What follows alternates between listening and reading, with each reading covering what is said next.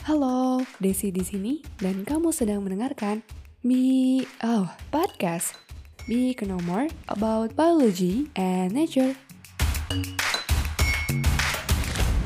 Sobat Bio, tahu oktopus nggak? Eits, bukan gurita ya. Itu loh, aplikasi jemput sampah untuk didaur ulang dari rumah. Hah? Emangnya bisa daur ulang sampah dari rumah? Gimana caranya? Bisa dong, nanti aku jelasin caranya. Aplikasi ini direkomendasikan langsung oleh Gubernur Jawa Barat, Bapak Ridwan Kamil, dan bekerja sama dengan Hamis Daud, artis yang juga aktivis peduli lingkungan, untuk mengatasi pencemaran lingkungan akibat sampah anorganik.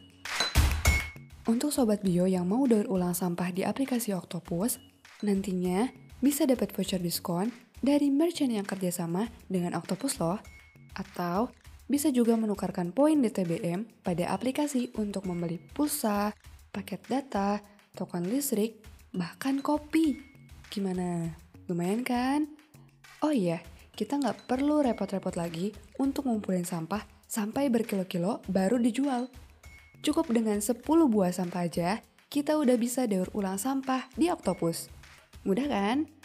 Sampah yang bisa didaur ulang pun banyak macamnya, mulai dari botol plastik, gelas plastik, kardus atau kaleng susu, botol kaca, botol obat, botol sampo, bahkan pampers bayi dan sampo sachetnya pun bisa loh didaur ulang. Lengkap udah.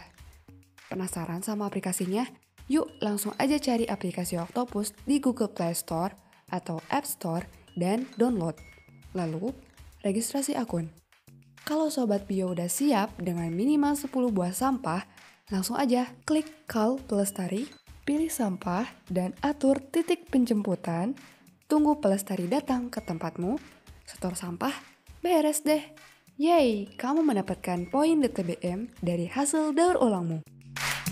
Sebagai generasi Z dan milenial tentunya, aku, kamu, kita semua, yuk jadi solusi Mari kita wujudkan Indonesia bersih dan bebas sampah di tahun 2025 dengan cara memulai kebiasaan peduli lingkungan dari sekarang. Salah satunya, yuk daur ulang sampah dari rumah.